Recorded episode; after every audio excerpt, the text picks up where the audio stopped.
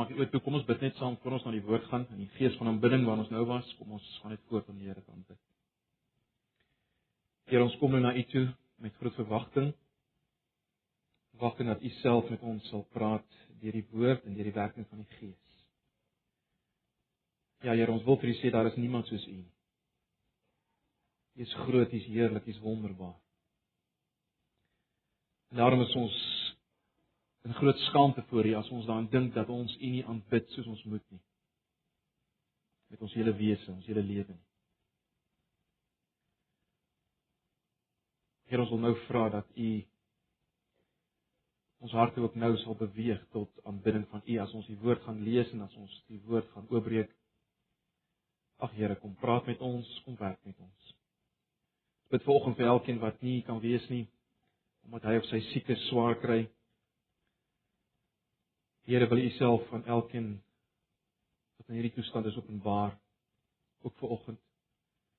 Wil U vertroos op 'n manier wat net U kan vertroos. U die een wat verstaan, wat ken wat self in pyn en smart was waarskynlik van God verlate. Wil U naby hulle wees? Asseblief. En ag Here, wil U nou naby ons wees deur die woord en die gees. Kom ons swakheid help, kom my swakheid help. Kom verheerlik U self. Ons vra dit in Jesus se naam. Amen.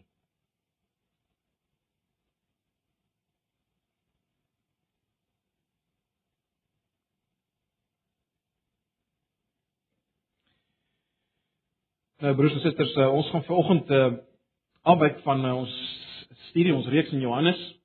Ehm um, ons definitief nie klaar met Johannes nie, ons sal definitief aangaan volgende Sondag. Ehm um, maar ek wil baie spesifiek vanoggend uh afwyk van Johannes uh en na gedeelte kyk in Lukas 12. Nou dat ek dadelik sê die uh die rede waarom ek na hierdie gedeelte wil kyk uh is omrede dit nie goed gaan met ons finansies as gemeente nie. Nou onmiddellik as mens dit sê dan uh, dan weet ek is dit 'n ongemaklike onderwerp. Ehm um, maar dit is net 'n feit dat ehm uh, as ons kyk na ons ons inkomste wat die gemeente betref, op die oomblik gaan dit nie goed nie. Uh daar's uh, groot verlies elke maand as ek dit so kan stel, groot tekort. Ehm um, so ek ek het dit goed gedink saam met die ouderlinge dat ons 'n bietjie moet praat oor hierdie onderwerp, of dit onder ons aandag moet bring. Nou daar's natuurlik baie maniere wat mense dit kon doen. Ehm um, mense sou baie redes kon gee. Ehm um, moeilike finansiële toestande. Uh ons almal sukkel om uh op bewaarde te verseker. Uh mense baie oplossings kon gee vir hierdie vir die probleem van ons ons gemeente se finansies. Maar ek wil graag hê ons moet dit vanoggend uh vanuit Lukas 12 benader. En uh ek wil probeer aandui dat dat die groot probleem is 'n aanbiddingsprobleem. As daar 'n probleem is met finansies, is daar 'n aanbiddingsprobleem. En ek wil hê ons moet dit raak sien vanoggend. So dis die probleem en ek dink die antwoord van hoe ons dit moet benader kom in 'n groot mate voor uh in Lukas 12. So kom ons bly in Lukas 12. Ehm uh, ons gaan kyk na vers 32 tot 34. Lukas 12 vers 32 tot 34.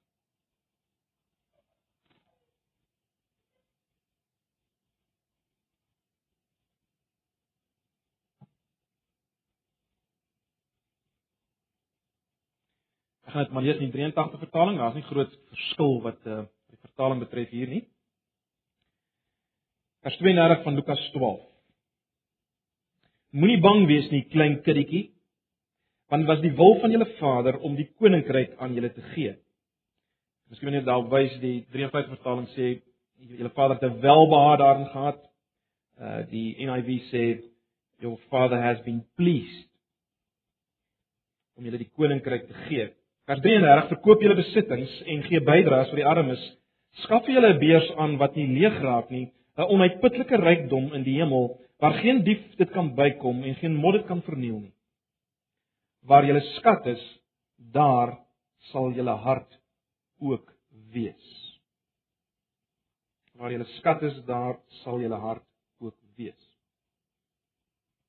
Kom begin vanoggend so die innerlike of binneste essensie van aanbidding is is niks anders as om God te koester, as ek dit so kan stel, bo enigiets anders op aarde nie. Dis die dis die innerlike, die binneste essensie van aanbidding. Dit het daarmee te maak dat ek God bo alles op aarde koester, bo enigiets anders. En al die ander forme van aanbidding, al die ander dinge wat ons doen, uh is maar net eintlik handelinge of dade wat wat wys dat ons God bo alles waardevol ag. Al die ander dinge wys dit maar net. Nou, as mens kyk na gedeeltes soos uh 1 Korintiërs 10 vers 31 dan dan is dit baie duidelik dat dat alles van die lewe, alles is bedoel om aanbidding te wees. Vanaand 1 Korintiërs 10 vers 31 lees ons uh, of julle eet en of julle drink of wat julle ook al doen, doen alles tot eer van God. Nou, die dinge wat daar genoem word, uh, eet en drink, alles wat julle doen, wel, dis waarmee ons lewe te maak het, né? Nee, dit dis waaroor die lewe gaan.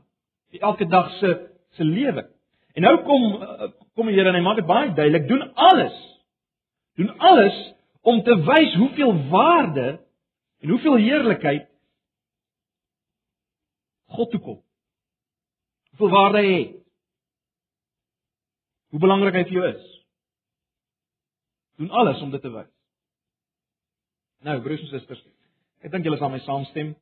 Uh geld en besittings is 'n groot deel van ons lewe. En omdat dit 'n groot deel van ons lewe is, het God bedoel dat dit 'n groot deel van ons aanbidding sal wees. Hoekom? Want ons het nou net gesien, die hele geheel van ons lewe moet aanbidding wees. En as uh, geld en besittings dan nou 'n groot deel is van ons lewe, dan moet dit 'n groot deel van ons aanbidding wees as alles uh, wat deel is van hierdie lewe aanbidding moet wees, né? Nee, dit maak ook sin, nie waar?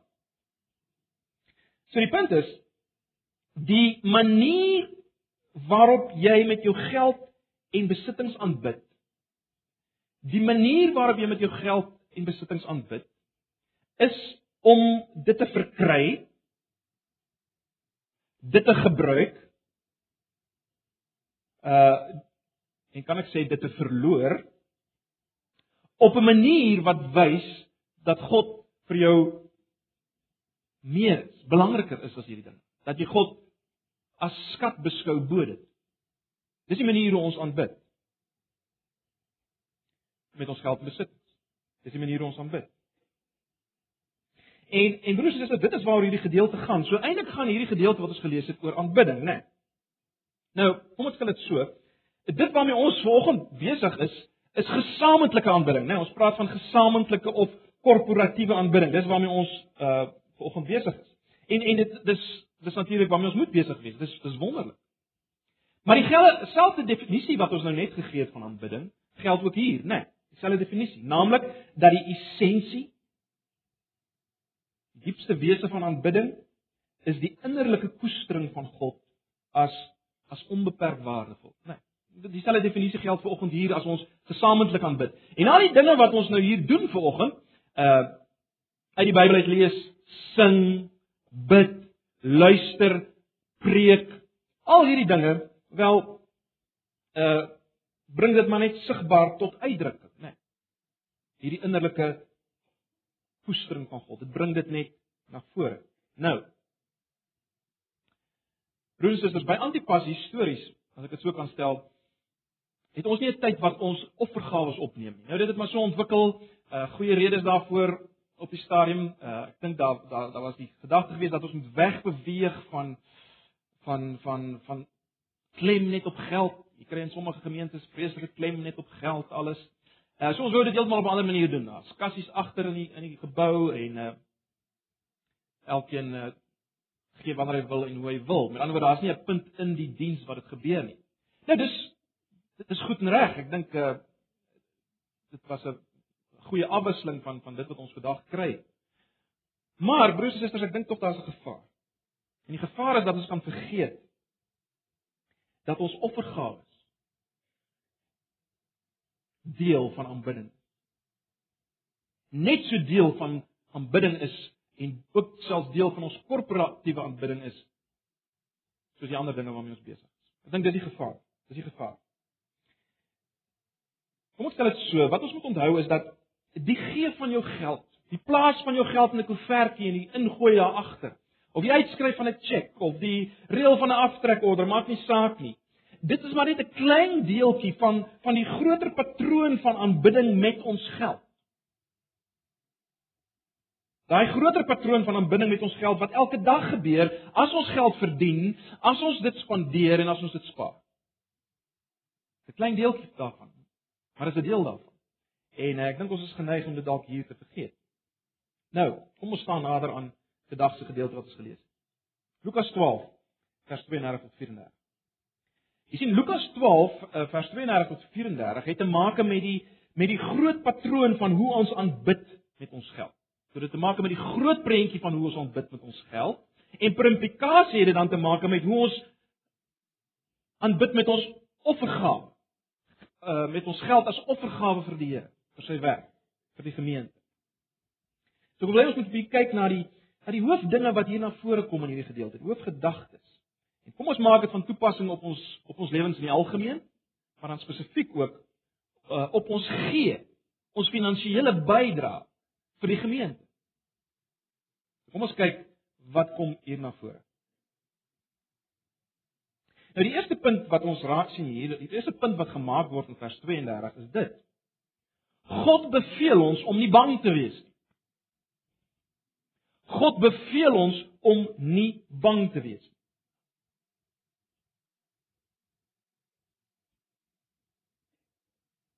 Kyk na vers 32.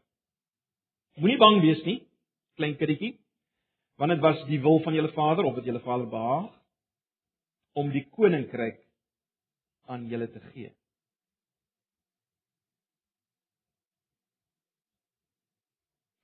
Nou, daar's 'n ander manier om dit te sê as mens 'n bietjie op 'n ander vlak bring, 'n bietjie van 'n dieper vlak.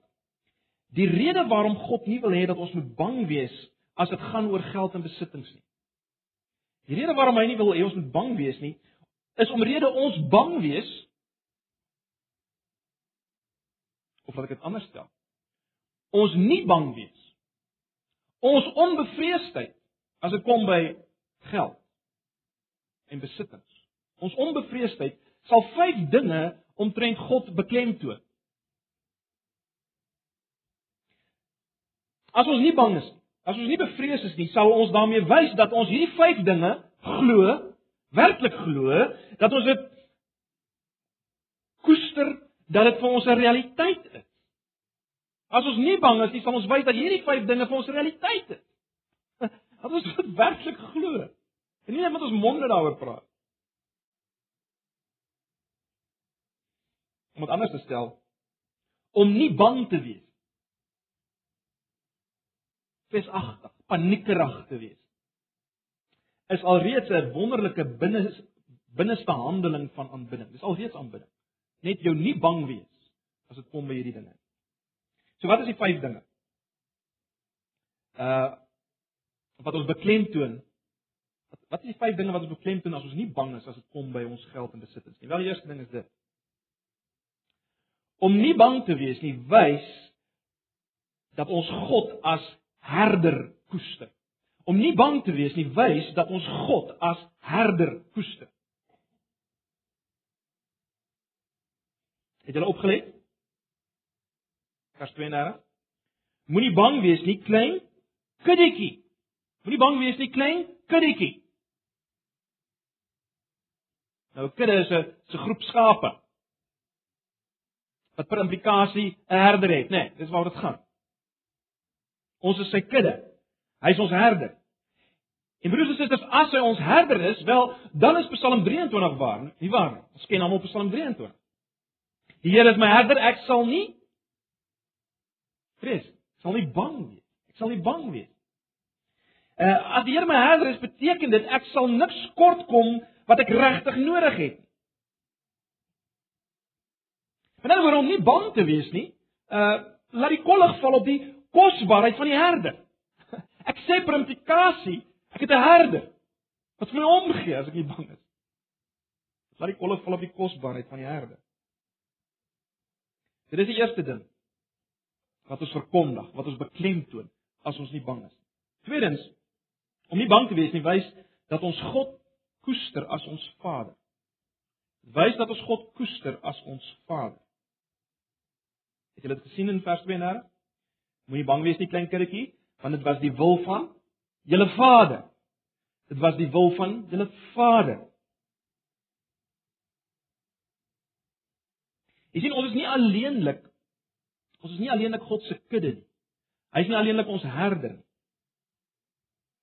Ons is sy kinders en hy is ons Vader. Ons is sy kinders en hy is ons Vader. Nou die die die betekenisvolle hiervan kom veral na vore uit vers 30. As jy net uh weer gaan na die gedeelte, kyk net na vers 30, net net voor die vers wat ons gelees het. Kyk net na vers 30.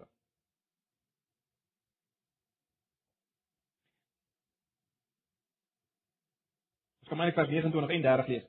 Vers 29 sê julle moet julle ook nie gedurig afvra wat julle gaan eet of drink nie en julle moenie besorg wees nie. En dan vers 30 Dit is alles dinge waaroor die ongelowiges in die wêreld begaan is. Maar julle het 'n Vader wat weet dat julle dit nodig het. Maar julle het 'n Vader wat weet dat julle dit nodig het.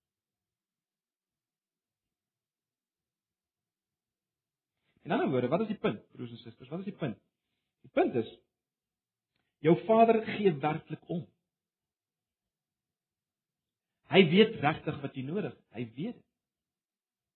Hy sal vir jou werk om dit so te stel om seker te maak dat jy kry wat jy nodig het. En natuurlik moet, moet ons pas op om uh nie vir God te laat probeer weet wat wat ons nodig het in steede daarvan om om om om om te om te begin raak sien uh en te leer wat hy dink ons nodig het. Nie daar's natuurlik daai gevaar, né? Nee. As die gevaar dat ons ons eie idees van wat ons nodig het wat nie ooreenstem met wat ons werklik nodig het en uh van wat hy ons leer wat ons nodig het. Maar die punt bly, die punt bly om nie bang te wees wanneer dit kom by gelde besittings nie, wys dat ons God koester as ons Vader. En dan derdens, derdens om nie bang te wees nie, wys dat ons God koester as koning. Dit wys dat ons God koester as koning. Let net weer op na vers 2 nou. Dis die wil van julle Vader om aan om die koninkryk aan julle te gee. Om die koninkryk aan julle te gee. Hy kan ons die koninkryk gee want hy is die koning. Dis die enigste rede. Hy kan ons die koninkryk gee want hy is die koning. En broers susters, dit gee natuurlik geweldige mag aan die een wat vir ons voorsien, né? Nee, dit dit dit dit, dit beteken hy het geweldige mag. Sien jy wat voorsien dit mag? Kyk, om dit so te stel, herder, as ons praat van 'n herder, het dit die konnotasie van van beskerming en voorsiening. Dit is meer wat die klem lê, nê, nee, as jy praat van 'n herder, uh, beskerming, voorsiening. Dis meer wat in jou gedagte opkom. As jy praat van Vader, wel liefde, teerheid, voorsiening, lyding. Uh, dis die dinge wat sterker na vore kom. As jy praat van koning, wel, dit het die konnotasie van mag, soewereiniteit. Met ander woorde, Hy kan doen wat hy wil. Hy hy hy die vermoë om te doen wat hy wil en rykdom. Rykdom. Hy is die koning. Alles behoort aan hom. So. As ons God as herder, Vader, koning vertrou en nie bang is wanneer dit kom by geld en besitting nie, sal ons wys hoe werklik hierdie God is, hoe kosbaar hy is. En ons sal dit wys op al hierdie wyse. Met ander woorde, ons sal wys dat al hierdie wyse ons kosbaar is, naamlik as herder, as vader, as koning. En God sal so doen dan aanbid word. Dan aanbid ons God. Dan aanbid ons God. As ons as ons as ons nie bang is wanneer dit kom by geld en besittings nie, dan dan wys ons hoe werklik en kosbaar God is vir ons as Vader, as herder, as koning en God word aanbid. Maar daar's 'n vierde ding wat ons wys om nie bang te wees nie, wys hoe vry en vrygewig God is. Hoe vry en vrygewig God is. Moenie bang wees nie, klein kindertjie. Dit die Vader behaag om julle die koninkryk te gee. Of dan dit was die wil van julle Vader om die koninkryk aan julle te gee Hy het 'n welbehaag gehad, 53 vertaling. has been pleased NIV has chosen gladly sê sommige vertalings to give you the kingdom. So die eerste punt is hier hy gee die koninkryk. Hy gee die koninkryk. Hy verkoop nie die koninkryk nie, hy verhuur nie die koninkryk nie. Hy gee dit. Jy sien hy's onbeperk welvarend. Hy het nie ons betaling nodig nie. Alles wat ons het kom in elk geval van hom af, nê? Nee, ons ons lees dit in in uh, 1 Korintiërs 4 vers 7 sê Paulus, "Wat het julle wat julle nie ontvang het nie?" God is vry en vrygewig met sy besittings. Ons moet dit hoor. Hy's vrygewig en vry met sy besittings. En en dis wat ons uitbasyn as ons nie bang is as dit kom by die vertrou met die vertrou van God met ons geld en ons besittings en ons behoeftes.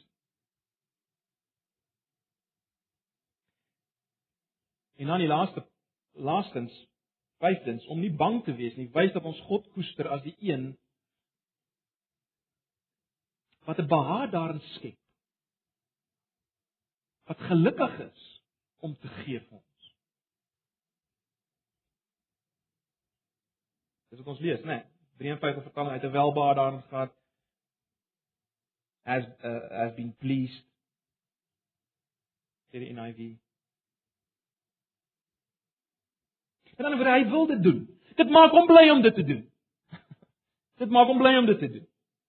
Nou, nie almal van ons het sulke paas gehad nie, nee. Nie almal van ons paas gehad wat wat meer gelukkig was om te gee as om uh, as om te ontvang nie. Maar dit maak nie saak nie. Ons het nou so 'n Vader. So 'n herder, so 'n koning. Wat ons so kan vertrou. Deur dit wat hy natuurlik vir ons gedoen het in Christus Jesus, nê. Nee. Ons sal vind dat hy so is, broers en susters. Dat hy dit wil doen. Hy het 'n behaag daar. Hy het vreugde daar. So ons eerste groot punt, né? Nee, ons eerste groot punt wat ons nou gemaak het is dit. Koester God as jou herder en jou vader en jou koning wat vrygewig en gelukkig is om jou die koninkryk te gee. En die koninkryk natuurlik het te maak met die hemel, die ewige lewe, al die vreugde wat daarmee saamgaan waar ons gesing het ook uh, vanoggend. En alles wat ons nodig het om daar te kom, hy het dit vir ons gegee. Hy is vrygewig en gelukkig om dit vir ons te gee, al hierdie dinge. As ons hom op hierdie manier koester, as ons hom vertrou, sal ons vreesloos wees en hy sal aanbid word. God sal aanbid word. En en dis die fondasie, né? Nee. Hierdie hierdie groot punt, dis die groot punt wat ons nou gemaak het. Wat uit hierdie vyf onderafdelings bestaan het. Maar as as as ons as ons dit vat, dis die fondasie van die res van van wat ons nou oor gaan praat. Dit wat ons nou oor gaan praat, as ek dit so kan stel, is net moontlik as gevolg hiervan.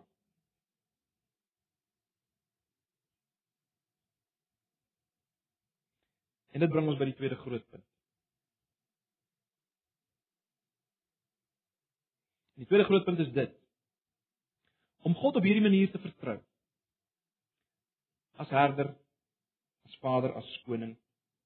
Dit lei tot 'n sterk aanmoediging tot eenvoud eerder as versameling of akkumulasie, die bymekaar maak van dinge. En wat ons nou oor gepraat het, is die sterk fondasie, die sterk motivering, die sterk fondasie vir 'n aanmoediging tot eenvoud eerder as die bymekaar maak van dinge. Kyk na vers 33.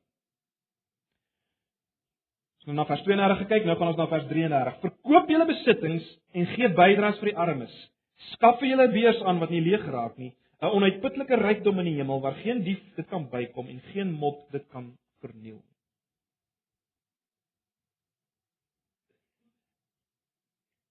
Dink 'n bietjie vir, vir 'n oomblik aan hierdie woorde, verkoop julle besittings.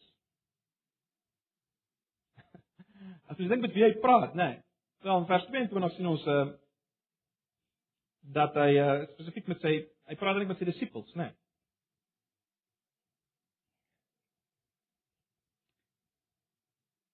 Hy het hy het met sy disippels gepraat. Verkoop julle besittings. Nou hierdie ouens was nie baie ryk nie, nê. Nee. Die disippels. Hulle was nie baie ryk nie en vir hy vir hulle kom Jesus en sê verkoop julle besittings. Nou, hy sê nie hoe baie en watter besittings verkoop moet word nie. Ons weet uh, vir die ryk jong man in Lukas 18 uh, sê Jesus uh, gaan verkoop al jou besittings, kom dan en volg my. Uh Saggeus, weet ons, uh Saggeus het gesê hy gaan die helfte van sy goed weggee. Ehm um, so hy het so 50% van sy besittings gegee en Handelinge sien ons uh ten minste moes een deel van die grond gegee word en so meer. Ja, die die punt is broers en susters, die Bybel sê nie vir ons hoeveel besittings om te verkoop nie. Maar hoekom hoekom staan hier hoe genaamd dat ons dit moet verkoop?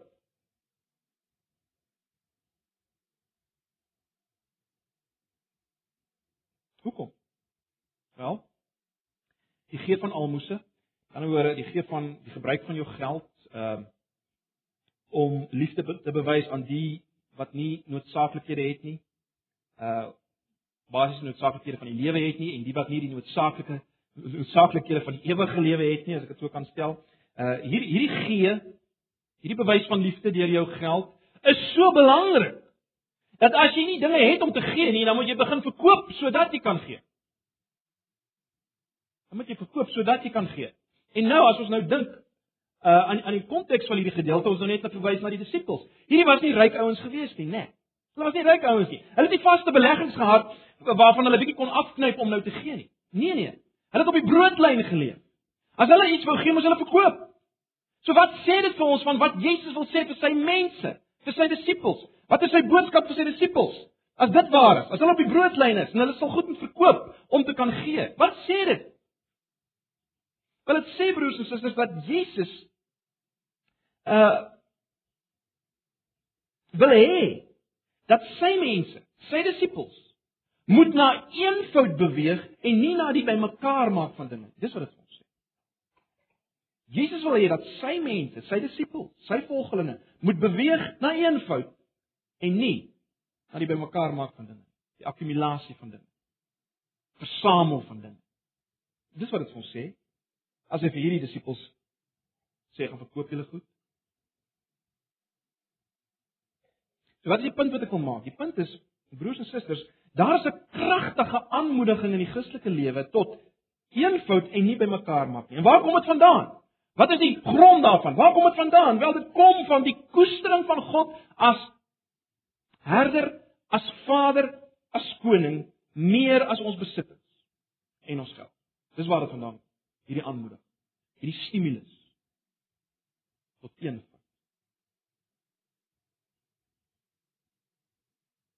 En, en dis 'n kragtige is 'n kragtige aanmoediging, is dit nie?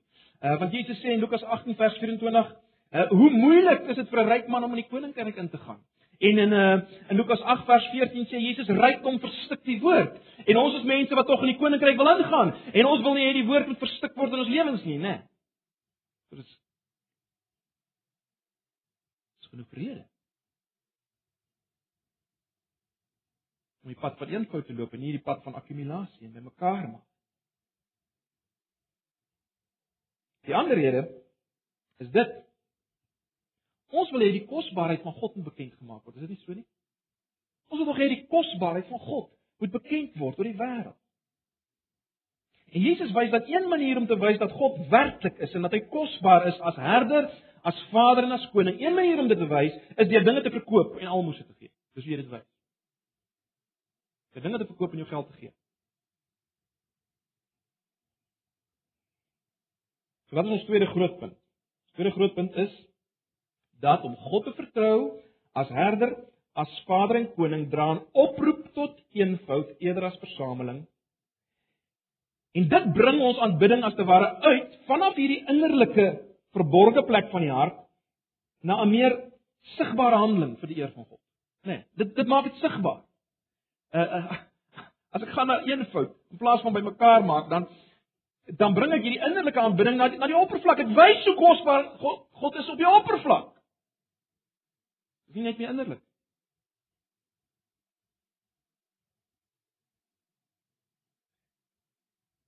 Dit bring ons by ons derde groot punt. Derde punt is dat die doel van geld Luister mooi. Die doel van geld is om skatte in die hemel bymekaar te maak en nie op aarde nie. Die doel van geld is om skatte in die hemel bymekaar te maak en nie op aarde nie.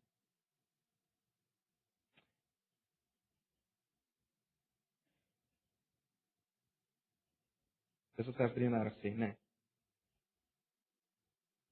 Koop julle besittings, gee bydrae vir die armes, skaf julle beurs aan wat nie leeg raak nie, 'n onuitputlike rykdom in die hemel waar geen dief kan bykom en geen moord kan verniel nie. Waar julle skat is, daar sal julle hart ook wees. Het julle opgelet wat is die verbintenis tussen die verkoop van besittings sodat jy die behoeftes kan anders van ander kan voorsien, die eerste deel van die vers. Die verkoop van besittings sodat jy aan die behoeftes van armes kan voorsien. En die laaste vers, die versameling van skatte in die hemel. Het jy gesien wat is die verbintenis tussen die twee? Die verkoop aan die een kant van jou wat wat jy het en aan die ander kant die versameling van skatte. Wat is die verbintenis? Wel, die verbintenis blyk te wees die manier hoe jy dit doen. Die manier hoe jy vir jou beursie maak wat nie 'n gat in het nie. Die manier hoe jy vir jou skatte bymekaar maak wat nooit sal vergaan nie, is juis deur jou besittings hier te verkoop en geld te gee vir die armes. Dis hoe jy vir jou skat bymekaar maak.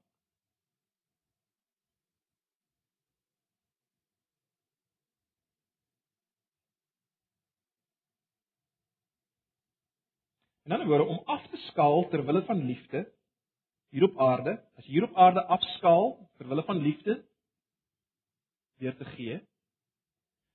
As jy dit doen hier op aarde, maksimaliseer as ek dit so kan stel, jy jou vreugde in die hemel. Dis die punt. Maak jy jou vreugde meer in die hemel. Eh, dit is radikaal broers en susters, maar dis die punt hier. Dis baie radikaal. Maar dis die manier waarop Jesus gedurig dink en praat. Jy jy kan nie na Jesus luister en dit mis nie. Dis weer en weer kom dit na vore deur hemelsgerig te wees, maak 'n radikale verskil op aarde. Het baie vir julle gesê dit is natuurlik is 'n is 'n sinnelose dwaase uitspraak om te sê iemand is so heavenly minded dat hy van geen aardse uh, nut is nie. Dit is jy's teenoorgestelde, hoor. Geskiedenis bewys dit. Die teenoorgestelde. Die mense wat die meeste oortuig is dat dit wat saak maak die skat in die hemel is, en nie groot hoeveelhede besittings en geld hier nie, wel dis die ouens wat gedurig kan dink, hoe kan hulle vereenvoudig en hoe kan hulle dien? Dien, dien en hoe kan hulle werk? Werk, werk om te kan gee, gee, gee.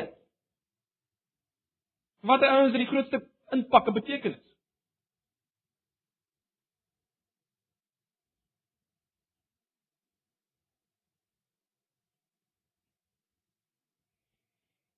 Wat is die verbintenis met aanbidding in dit alles? Dink 'n bietjie daaraan. Jesus beveel ons om skatte in die hemel bymekaar te maak.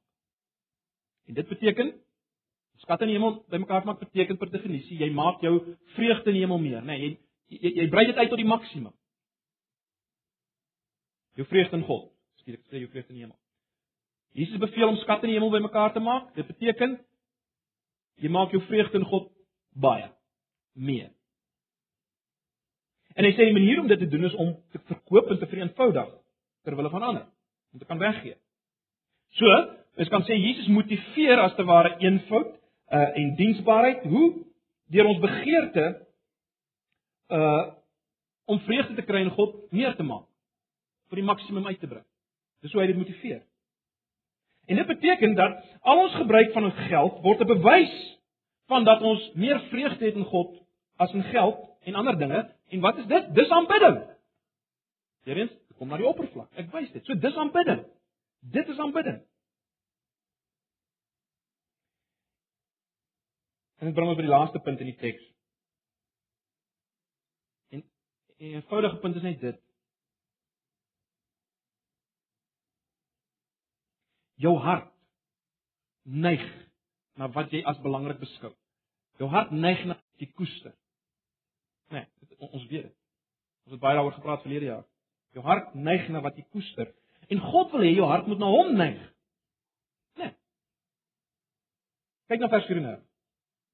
Waar jy is, daar sal jou hart ook wees. Waar jy skat is, daar sal jou hart ook wees. As jou skat in die hemel is waar God is, wel dan gaan jou jou hart ook daar wees. Dis die punt. Eh, wat wat wat, wat sê die teks regtig? Wel, ek dink dit is redelik eenvoudig. Die die woord skat uh ons kan sê dis die voorwerp wat jy as kosbaar beskou. Jou skat is dit wat jy as kosbaar beskou. Jou skat is dit wat jy koester. Jou skat is dit uh wat jy liefhet. Né? Nee. Jou hart Wel, om dit eenvoudig te stel, jou hart is met ander woorde die orgaan wat koester. Né? Nee, die orgaan wat liefhet. En ons het al baie vir mekaar gesê as die Bybel praat van jou hart, dan is dit daai binneste diepste jy, né? Nee, dis nie die dis nie hierdie pompie hierso nie. Dis die diepste binneste jy. Dis wat bedoel word met daai. Nee. So wat wat sê ons mekaar, hoe lees die teks werklik? Ons kan dit so vertaal: waar die voorwerp is wat jy koester. Dis waar jy jou diepste binneste jy sal wees. Waar jou voorwerp is wat jy koester, daar sal jou diepste binneste jy wees. En as jou voorwerp wat jy koester God in die hemel is, wel dan sal jou diepste binneste jy daar wees. Dis waar jy sal wees. Jy sal met God wees. Maar die teenoorgestelde, as jou voorwerp wat jy koester geld is en dinge hier op aarde is,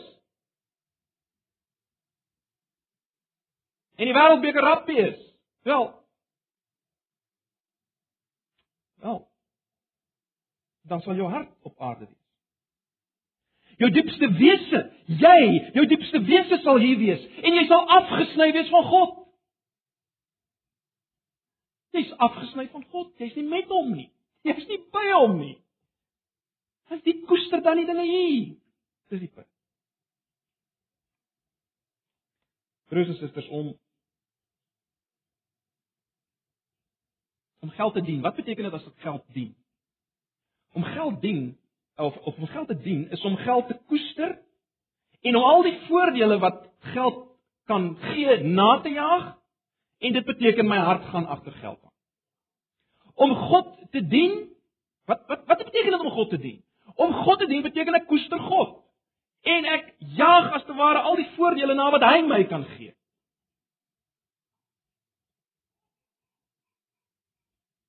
Wat natuurlik totaal anders is. En dit beteken my hart is by hom. Dis die verskil. Dis die verskil. Dis wat Jesus sê, né? Nee, uh duidelik in, in Matteus in die bergrede ook ook in Lukas weer. Jy kan nie God en Mammon dien nie. Jy sien jy kan nie jy kan nie twee dien nie. Of jou hart is by die een en jy dien die een Of jou hart is by die ander een en jy dien die ander een. Jy kan nie twee dien nie. Dis 'n onmoontlikheid. Jesus sê dit oor en oor. Jy kan nie God en Mammon dien nie. En ons het nou vir mekaar gesê, wat beteken dit om geld te dien? En wat beteken dit om God te dien? So vra jouself af. Dien ek God of dien ek geld? Wat koester ek? Wat jaag ek na? Waar is my hart? Waar is my hart?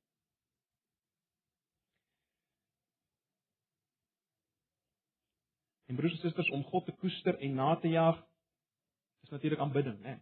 Dis aanbidding. Dis aanbidding. So.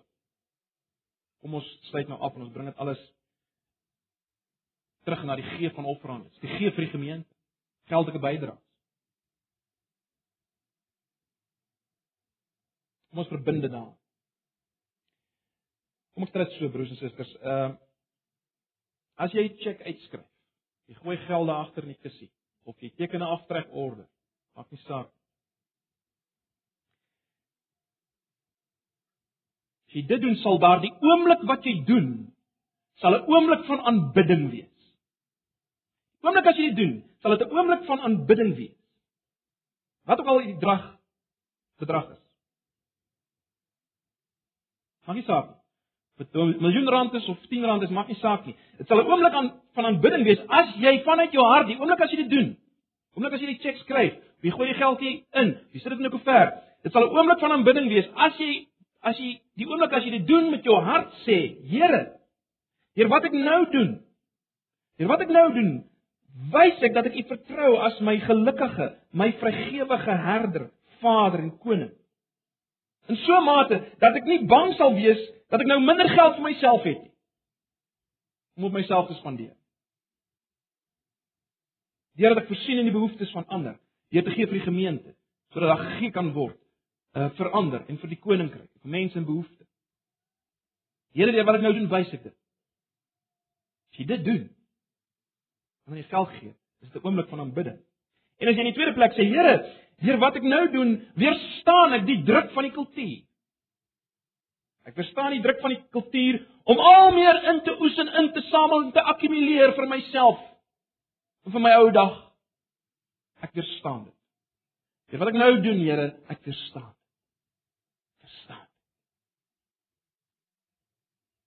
Word 'n oomblik van aanbidding. En dis 'n oomblik van aanbidding broers en susters as jy as jy in die derde plek sê Here wat ek nou deur wat ek nou doen gaar ek vir my skatte op in die hemel en nie op aarde.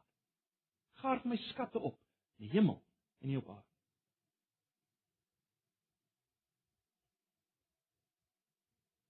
Hoekom doen ek dit? Sodat my vreugde in U al meer kan word, tot, tot die maksimum uitgebrei.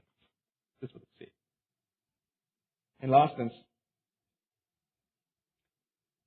jy geld gee, bydra gee broers en susters, dan verklaar jy Here, my skat is in die hemel. My hart is by U. My skat is by U. So broers en susters, wat probeer ek sê?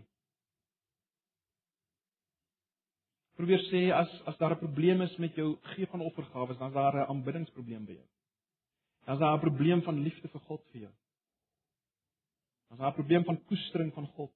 Dan is daar 'n probleem in ons gemeente. As daar 'n finansiële probleem is, is daar 'n aanbiddingsprobleem. Dis wat ons mekaar sê vanoggend. As daar 'n finansiële probleem is, dan is daar 'n aanbiddingsprobleem.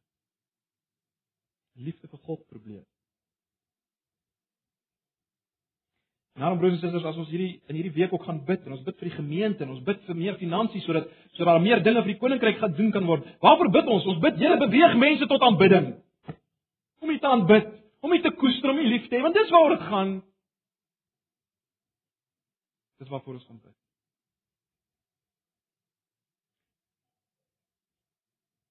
Broers en susters, ek gaan vanaand praat oor oor julle vraag maar hoe pas tiendes by dit alles in? Wat van tiendes? Na by die aandiens 6 uur. Ek weet die meeste van julle is uh is nie betrokke by die aandienste nie. Miskien is vanaand 'n goeie tyd om te kom dat ons uh nog verder hieroor praat. En dan spesifiek die vraag maar, maar waar pas ons dienes in dit uh die aandiens het meer die vorm van 'n bespreking ook. Ons gaan 'n uh, stuk uitlê en dan daaroor praat. Maar dis die uitdaging wat ek voor julle wil hê.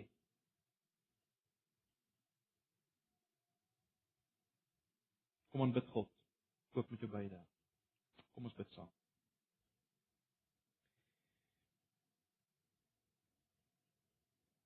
Here baie dankie vir u woord. U woord wat skerper is as 'n tweesnydende swaard, dit dring deur ontbloot ons, dit ontbloot ons harte. En ek wil maar net bid Here dat u u woord sal gebruik ook vandag om te oortuig te beweeg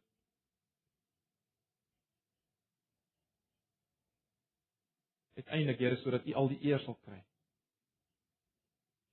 Sodat die wêreld kan sien dat U is vir ons meer kosbaar as as ons geld, as ons besittings.